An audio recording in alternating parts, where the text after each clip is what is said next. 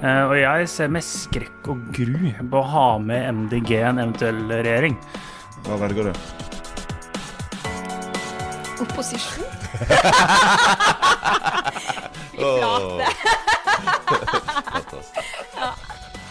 Her er Stavrum og Eikeland, en podkast fra Nettavisen. Torleik Svelle, du er nå leder for Senterungdommen. Etter valget vil Senterpartiet eh, måtte samarbeide tett med i hvert fall SV, men trolig også MDG. Er det noe du ser frem til? Jeg, jeg, tror- jeg tror eh, nok at altså mest sannsynlig regjeringa etter valget tror jeg er en Senterparti-Ap-basert regjering. Uh, og jeg ser med skrekk og gru på å ha med MDG en eventuell regjering. Nå er det jo ikke så lenge siden de har laget en hel haug med bråk og spetakkel i Oslo. Og jeg tror nok at uh, både jeg, men jeg håper også at veldig mange andre flere, og gjerne også inn i Arbeiderpartiets rekker, ser at dette her går det ikke an å styre et land eh, sammen med. Så mye tull og fjas. Men det vil være avhengig av uh, trolig begge de partiene uh, i Stortinget. Ja, det er det velgerne som avgjør. Ja. Uh, Så det må vi på en måte se på etter valget. Og Men hvis det, jeg tror nok også at det er veldig mange som er enige med oss. men hvis det, unnskyld. Vi, vi, vi skal tilbake igjen til det, men la oss begynne med utgangspunktet. Du er eh, en, kommer fra gård, eh, ikke så langt fra Lillehammer.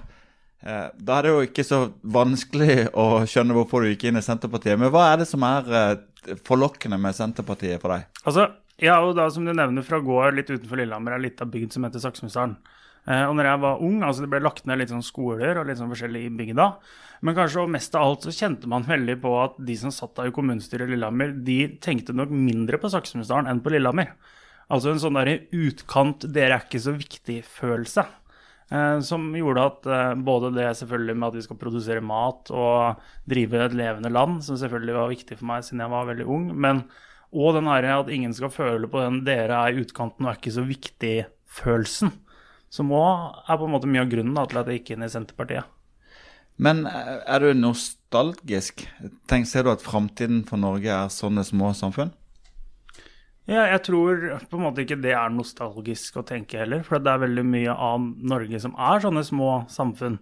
Små, trygge lokalsamfunn hvor landet brukes, hvor det beites, hvor skogen hogges, hvor på en måte naturressursene brukes. Eh, Og det tror jeg kanskje er mer på en måte nesten fremtidsretta enn nostalgisk å tenke, egentlig.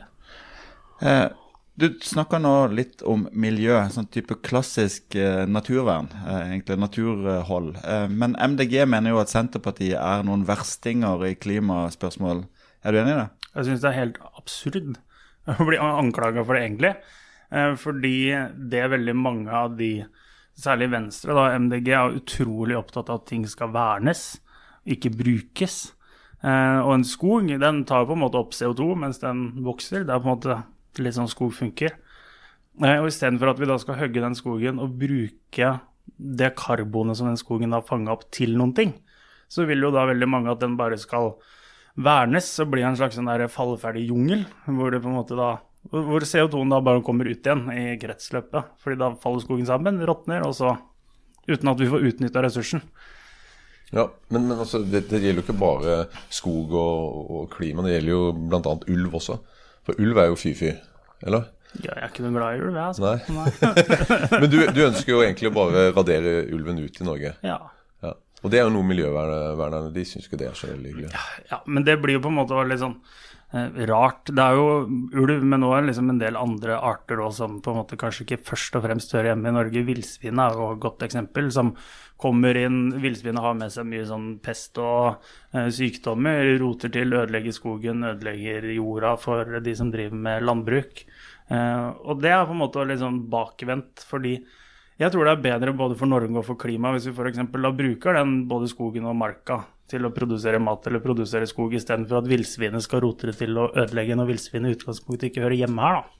Men alle disse småsamfunnene du snakker om, det koster mye penger. Altså Staten betaler mye til Distrikts-Norge i løpet av året. Um, er det verdt det? Jeg tror kanskje at det er et spørsmål som er satt litt sånn på hodet. hodet altså. Fordi for eksempel, Nå har vi en regjering som har lagt ned utrolig mye lensmannskontor. Eh, som gjør det vanskeligere for folk å få pass. Og, det betyr at folk må, da må ta seg en hel arbeidsdag fri for å ordne pass. Og det tror jeg heller ikke er sånn veldig samfunnsøkonomisk. Et annet eksempel som er veldig sånn nært for mange ungdommer, er jo at man har lyst til å legge ned en trafikkstasjon på Oppdal, hvor man før kunne kjøre på traktor. Hvis du da bor på Kyrksæterøra, det er liksom sør i Trøndelag, sør-vest i Trøndelag, så må du altså dra helt til Stjørdal for å ta traktorlappen. Det betyr da i hvert fall to arbeidsdager for å få til det. Og samfunnsøkonomien i det tror jeg er ganske dårlig. Så det har en verdi å ha tjenester der folk bor. Både liksom økonomisk, men òg selvfølgelig for folk. Ok, En økonom vil da hevde at eh, byene er det stedet hvor det er høyest produktivitet, der vi skaper mest eh, økonomiske verdier, og at Senterpartiet er opptatt av de delene av Norge hvor det er minst verdiskaping. Hva, hva er kontringa di på det? altså Nå har vi jo vært gjennom et uh, veldig sånn lang periode med fryktelig mye hjemmekontor, som har vist at man kan jobbe i veldig stor grad hjemmefra. Uh, så jeg tror at det går an å flytte mye produktive folk ut på bygda. Uh, jeg tror det er veldig mange folk som heller har lyst til å bo på bygda enn å bo i by, hvis de på en måte kunne velge. Eh, så det å kunne flytte arbeidsplasser ut og få mer av de eh, kall det høyproduktive, veldig veldig lønnsomme arbeidsplassene ut, tror jeg kan være både mulig, og man tror at flere både private bedrifter kommer til å gjøre det fordi folk ønsker det.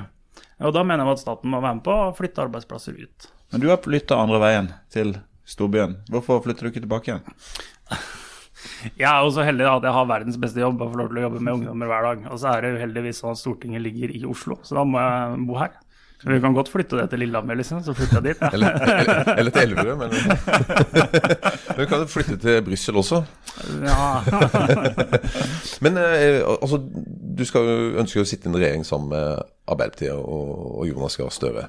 Um, det er jo ikke noe tvil om at uh, både Jonas og Arbeiderpartiet de er jo veldig pro EØS.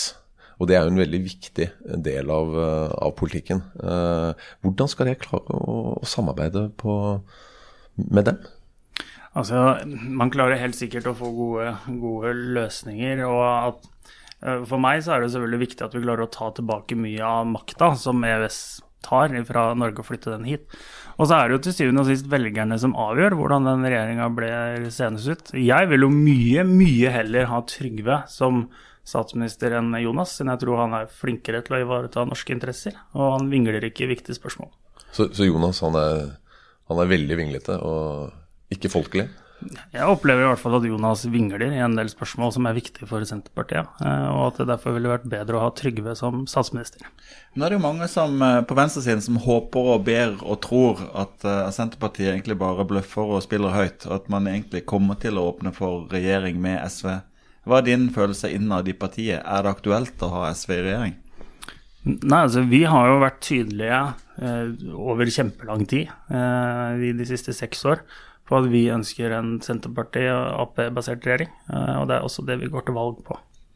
Men da, hvis det da ikke blir en flertallsregjering, vil du heller ha en mindretallsregjering av Arbeiderpartiet og Senterpartiet enn en flertallsregjering hvor også SV er med? Ja, og sånn jeg opplever SV, så tror jeg at de òg ønsker det. Eller jeg syns det er veldig vanskelig å skjønne hva de, hva de ønsker. De har f.eks. sagt at de skal kjøre en regjeringserklæring ut på uravstemning, som jeg opplever som et sånn skritt unna det å ville sitte i, i regjering. og Derfor så tror jeg at en Senterparti-Ap-basert regjering blir mer sannsynlig ja, pga. det.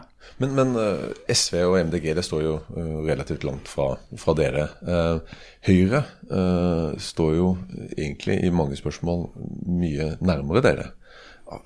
Er en tanke, altså når man ser eh, resultatet av valget, og, og, det viser at dere er nødt til å få støtte fra MDG og, og SV i Stortinget eh, for å få danne en regjering med Ap, at ok, la oss uh, kjøre over og, holde på med, med, med, Høyre og den siden? Nei, det vil være helt utenkelig. fordi Høyre har jo på en måte vært for absolutt alle de tingene vi har vært mot, og motsatt. Eh, enten om det er eh, gjennomføring av en helt meningsløs eh, tvangssammenslåing av fylker og kommuner, nedlegging av lensmannskontor, en storstilt sentralisering av både tjenester og arbeidsplasser, som er på en måte den viktigste saken vi skal løse. Nemlig å satse på hele landet, flytte arbeidsplasser, på en måte skape optimisme igjen i distrikta, hvor Høyre har sagt at de ønsker en helt annen retning. Så det å samarbeide med de tror jeg kanskje blir vanskelig. Og så vil jeg også si sånn, siden Senterpartiet har samarbeida med med Høyre tidligere. Eh, og jeg opplever nok ikke at det er vi som er på en måte tverre og vanskelige å endre oss. Det er jo Høyre som har blitt et liberalt parti som har flytta seg langt unna det Høyre en gang var. Altså de er for rusreformen og for veldig mange sånne ting, som ikke er som kjempekonservativt i mine øyne, i hvert fall. Men nå er, jo, nå er jo Senterpartiet det største partiet nord for Dovre. Og opprøret i Nord-Norge har jo gått akkurat mot Arbeiderpartiet på akkurat de tingene du nevner at Høyre står for. Du, ser du Arbeiderpartiet som en stor garantist for uh, desentralisering og makt ute i distriktene? Så det er klart det er jo forskjeller mellom uh, Eh, mellom partier, men de andre partiene får på en måte svare for seg, og så vi, sier vi hva vi er opptatt av, og så er det velgerne som bestemmer hvordan dette skal løses til slutt. Ja, men er du ikke enig i at mange av de tingene du sa om Høyre, også kunne vært sagt om Arbeiderpartiet? De, de hadde også et partiprogram hvor de ønska sammenslåing av kommuner, og fylker og regionreform og sånne ting. Ja, og, og, Arbeiderpartiet har òg på en måte vingla, vingla, litt i viktige saker, sånn som politireformen. da. Um, så derfor så mener jeg òg at Trygve er best skikka til å være statsminister, f.eks., for fordi han ikke vingler og er tydelig i viktige saker for oss. Definerer du Senterpartiet som et sentrumsparti eller et parti på venstresiden av norsk politikk? Jeg definerer oss som et sentrumsparti. Kanskje det siste. Siste sentrumspartiet. Siden jeg opplever ikke de andre partiene som noe sentrumsparti lenger. Altså KrF og Venstre. Torleik, da sier vi takk for deg i denne sekvensen. Så kommer vi tilbake til deg mot slutten av podkasten. Takk. Velkommen, Edel Marie Haukland. Du er da leder for KrFU. Tusen takk. Aldri tidligere har en regjering pøst ut mer penger enn nå. Gir Ropstad og KrF blanke i din generasjon? Nei, det gjør det jo ikke. Og nå blåses det mye penger ut eh, nettopp fordi vi er i en krise, og da er det riktig å bruke mye penger. Eh, og så skal man holde tilbake i bedre tider. Men eh, jeg har jo vært ute og kritisert Moderpartiet også for holdt på å si, prioriteringene sine på landsmøtet, blant annet. Eh, der det var uh, mye pengebruk. og um, det er jo litt sånn at når man prioriterer alt og prioriterer alle, så har man jo egentlig ikke prioritert. Så um, der har nok KrF en utfordring når man skal f.eks. inn i regjeringsforhandlinger igjen eh, en gang med, med, det programmet. For da må man kanskje prioritere enda hardere derifra igjen. Hvem er Edel Marie Haukland, mer enn at du er fra Bodø? ja, jeg er veldig fra Bodø. um, men uh, også teologistudent på pause.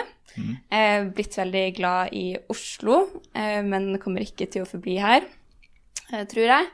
Um, veldig glad i kaffe. Mm. Um, ja. Veldig glad i folk. Så de siste ukene har jo vært bare helt fantastisk. ja. Så du, du, du, du studerer teologi på, på, universitetet eller på fakultetet? På MF. På MF, ja. Mm. Er du for eller mot at de hiver byster av Hallesbyen ned i kjelleren? Vet du hva, Det har ikke jeg rukket å ta stilling til. Det, det får vente januar. da begynner jeg på igjen. Men uh, hva, hva, er det med verdisynet til Kristelig Folkeparti som da fikk deg til å velge det partiet? Mm, det, er jo, det er jo disse grunnverdiene til KrF, menneskeverd, nestekjærlighet og forvalteransvar, som um, som er tre verdier som jeg har vokst opp med. Eh, som liksom, de satt litt i ryggmargen min. Eh, så da jeg var 14 år og på, havna på stand sammen med bestemor, så var det ikke veldig vanskelig for meg å, å si ja til å bli med i KrFU. For jeg opplevde at de jobba for en del av de sakene som jeg var veldig opptatt av. Og det har kanskje litt med at jeg er storesøster og har en sånn der utprega rettferdighetssans. Irriterende. Um, og det er jo nettopp derfor jeg bl.a. har engasjert meg sånn for offentlig pengebruk. fordi for meg så handler det om generasjonsrettferdighet. Um, det er klima- fordi vi ikke skal skyve eh, ryddejobben over på de neste generasjonene eller på eh, fattige nasjoner som egentlig ikke har like stor skyld i klimaendringene heller. Um, og det eh, Og så liker jeg veldig godt eh, Jeg syns KrF får til så sykt mye med de få prosentene man har. Og den derre iherdige jobbinga for den, de sakene som man tror på, den idealismen der. Elsker å være med på et sånt lag. Så selv om eh, jeg var ganske ung da jeg ble med, det er jo ti år siden i år, så um, har jeg, jeg har jo tatt noen runder der jeg har tenkt sånn Er dette stedet der jeg skal være? Um, og landa veldig godt på at KrF er mitt parti. Jo, men, men, jeg tror jeg, jeg, vet hva du tenkte på da. For uh, jeg ser på KrF, og så ser jeg på kvinnekampen, og så, og så ser jeg på motarbeiding. Altså, De er jo ikke akkurat så veldig uh, hyggelige mot kvinnekampen. Ja, Kvinnekamp er jo veldig mye forskjellig. For meg så er jo kvinnekamp bl.a. Eh, muligheten til å få gratis preven lang langtidsvirkende prevensjon som faktisk funker. Eh, og det er det jo KrF som har eh, stått i bresjen for. Det å sørge for at man får færre eh, uønska graviditeter. Men de Det er jo det KrF har prevensjon. Gjort. De vil jo ikke gi prevensjon til, for, til personer under 16. Nei, der har vi en liten jobb å gjøre. Men, eh, men, eh, men, eh, men KrF har jo stått ordentlig liksom stått i bresjen for de sakene der.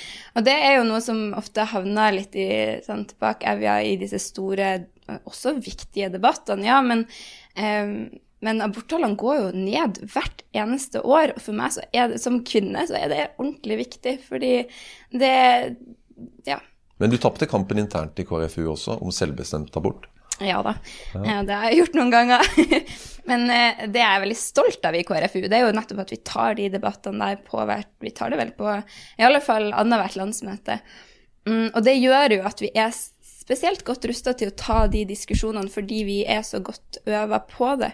Det eh, merker man jo når man, de diskusjonene kommer opp andre plasser, at det er ikke så mange som er eh, vant til å ta en prinsipiell eh, debatt rundt disse spørsmålene på en måte som ikke overkjører andre, på en respektfull måte som har med seg ja, den neste kjærligheten for eh, flere parter. Da. La oss ta litt eh, om, verdisynet, også det prinsipielle i det. Nå har jo den nye debatten om selvbestemt abort har jo på en måte øh, utløst krefter til venstresiden, hvor de går inn for selvbestemt abort til 22. svangerskapsuke, altså bare dager før fosteret er levedyktig.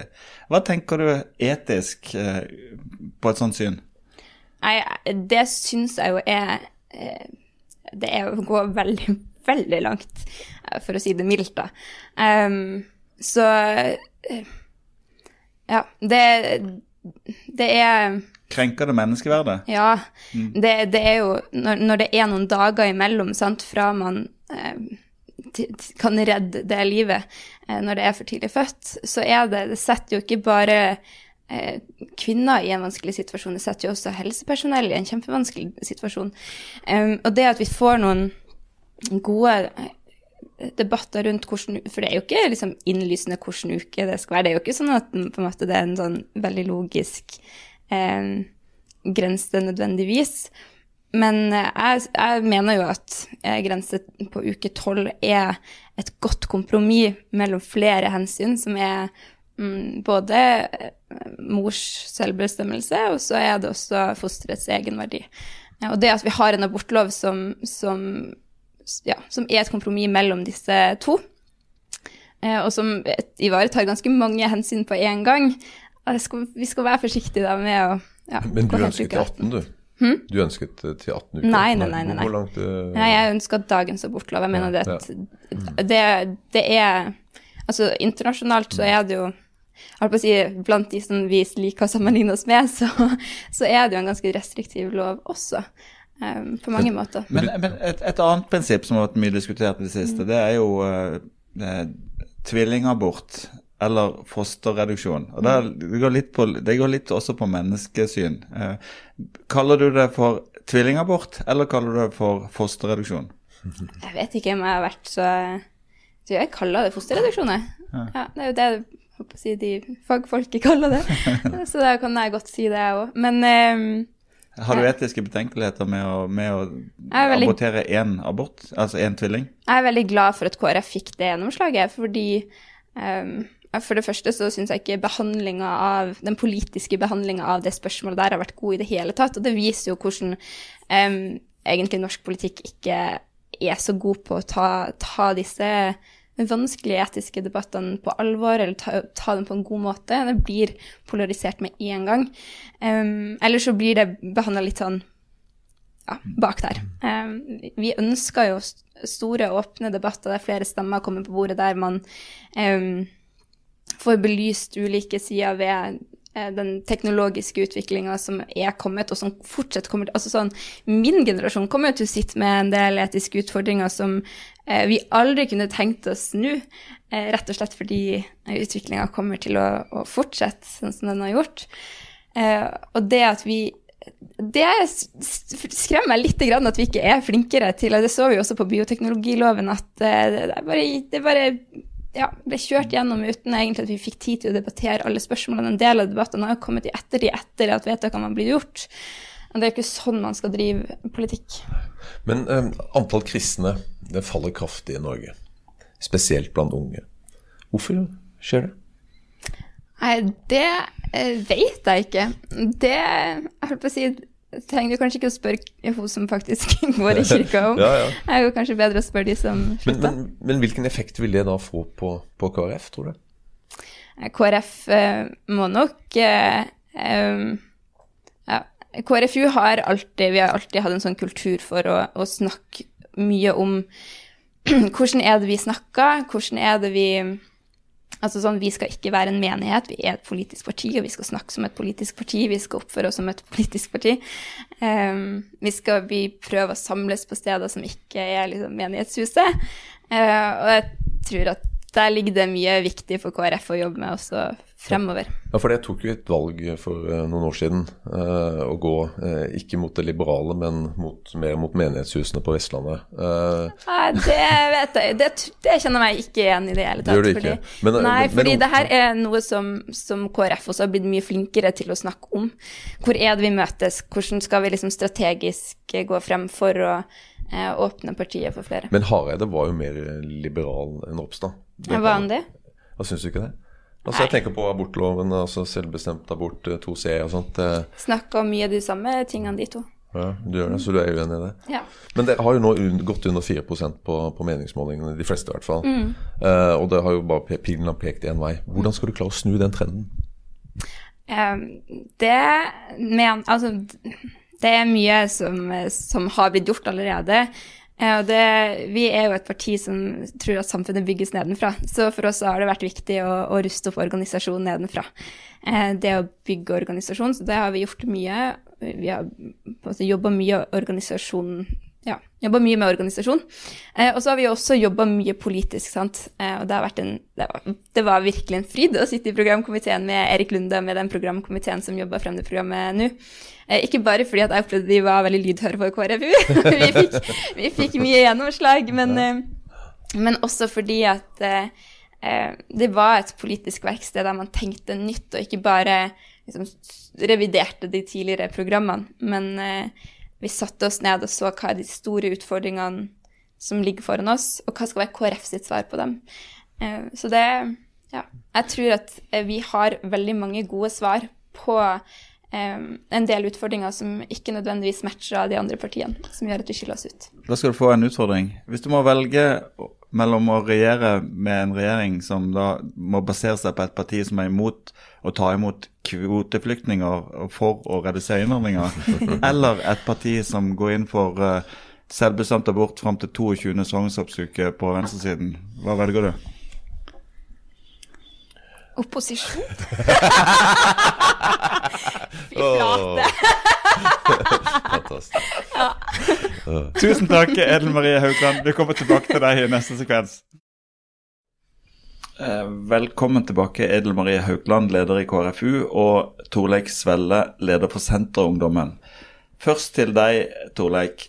Eh, Hvem blir statsminister etter valget? Jeg håper at det blir Trygve Slagsvold Vedum. Og Edel Marie? Eh, Erna Solberg. Og hvem vil du ha som neste kandidat, hvis ikke det blir Erna? Og det må nok være vår egen leder. Og da går spørsmålet til deg. Er det Jonas da som er plan B?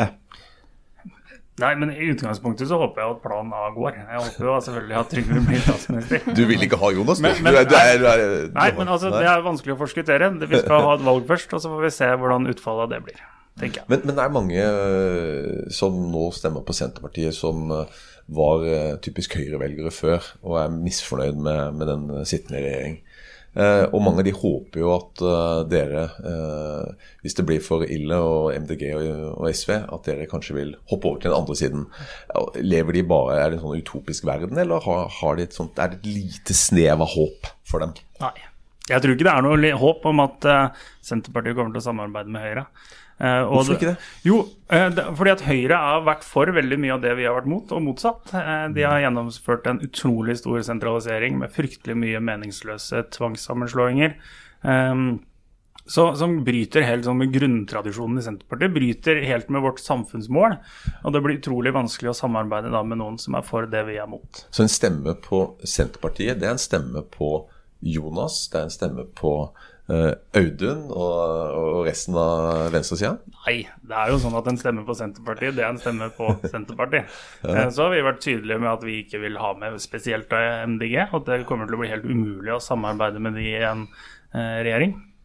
Og så er det da velgerne som skal avgjøre til slutt. Ellen Marie, nå eh, er jo den lange valgkampen begynt, og dere har jo én utfordring, og det kommer over sperregrensa. Eh, Når du holder eh, valgkampappell i Nordland, hva er salgsargumentene for KrF? Ja, det er jo at eh, et storting der KrF sin, sine stoler står tom, eller er mye redusert, det vil være et helt annet storting. Nettopp fordi den stemmen som KrF tar inn der, den er unik. Det er ingen andre som tar vår plass i en del veldig viktige debatter. Vi løfter opp en del saker som ja, som de andre partiene ikke bryr seg like mye om. Eh, og ja, jeg tror det er min sånn hovedsalgspitch, og det er i alle fall for meg en enormt stor motivasjon inn mot valget nå. Eh, fordi jeg vet at eh, mange av de sakene også som vi har jobba for i regjering nå, sånn kampen mot eh, menneskehandel, en del av de, bistandspolitikken, flyktningpolitikken, mange av disse gjennomslagene her er jo det er jo saker som KrF har et unikt engasjement for. Og vi er jo langt fra ferdig, så mye som gjenstår.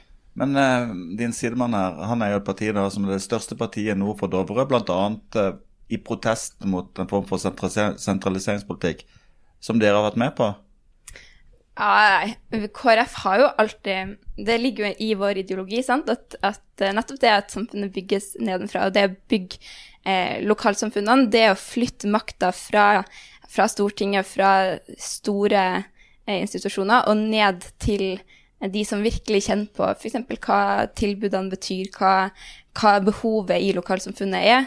Det har vært veldig viktig for oss. Det er jo nettopp derfor man har eh, eh, hatt kommunereform og regionreform. Det var ikke eh, det var ikke nødvendigvis fordi man elska Viken, men det var for å flytte eh, makt og for å flytte muligheten til å påvirke lokalsamfunnene sine ned.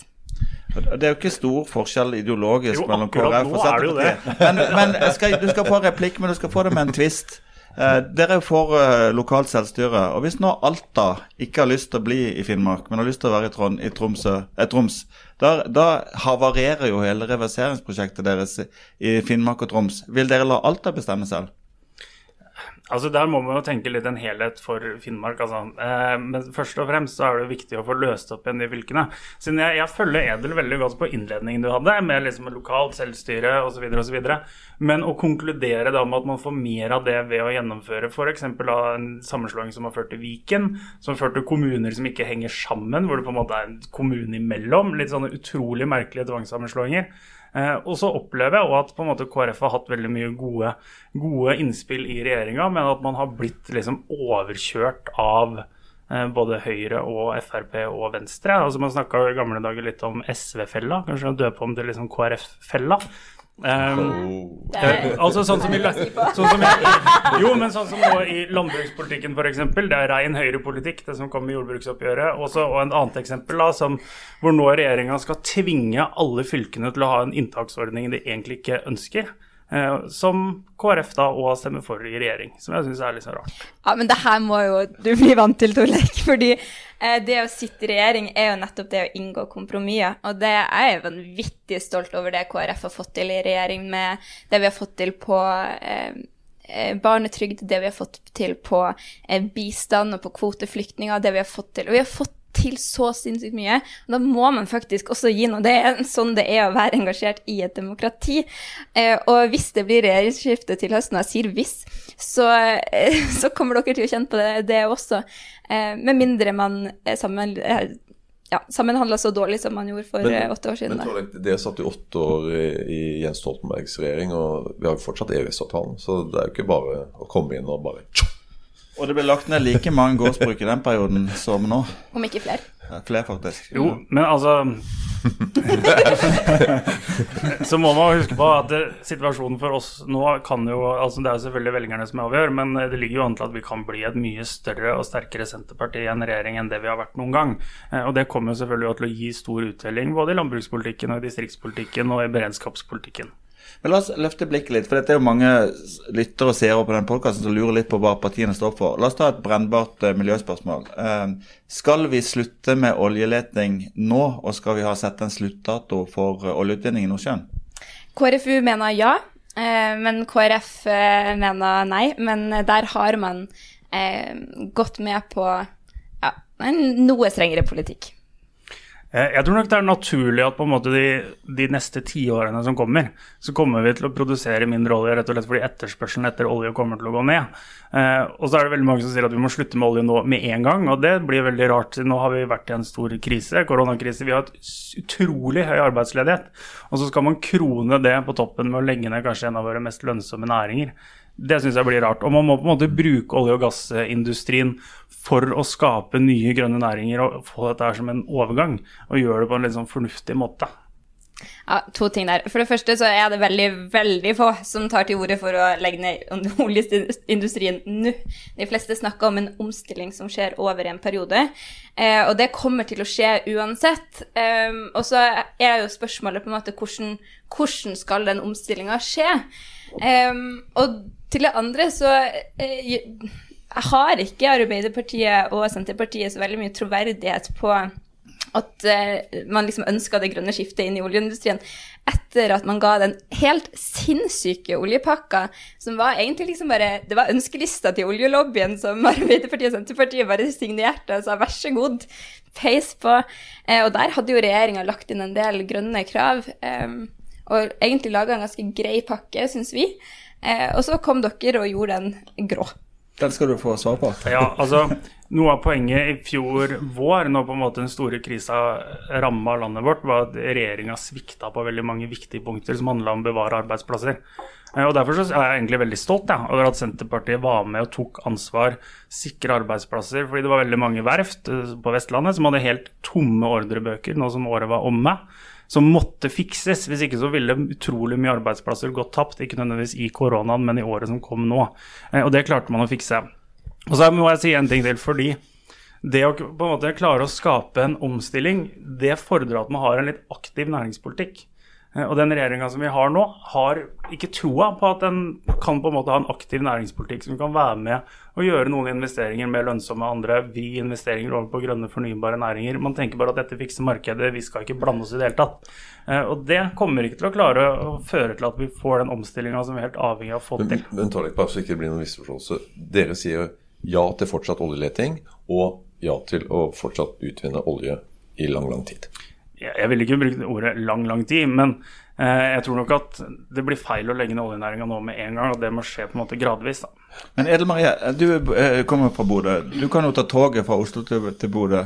Mens eh, partiet til sidemannen din han vil jo bruke 140 milliarder kroner på å bygge jernbanen videre til Tromsø, og noen vil til og med Han heter til Kirkenes. Og videre til Svalbard. Er ikke det, er ikke det en kjempeidé å bygge jernbane i Nord-Norge?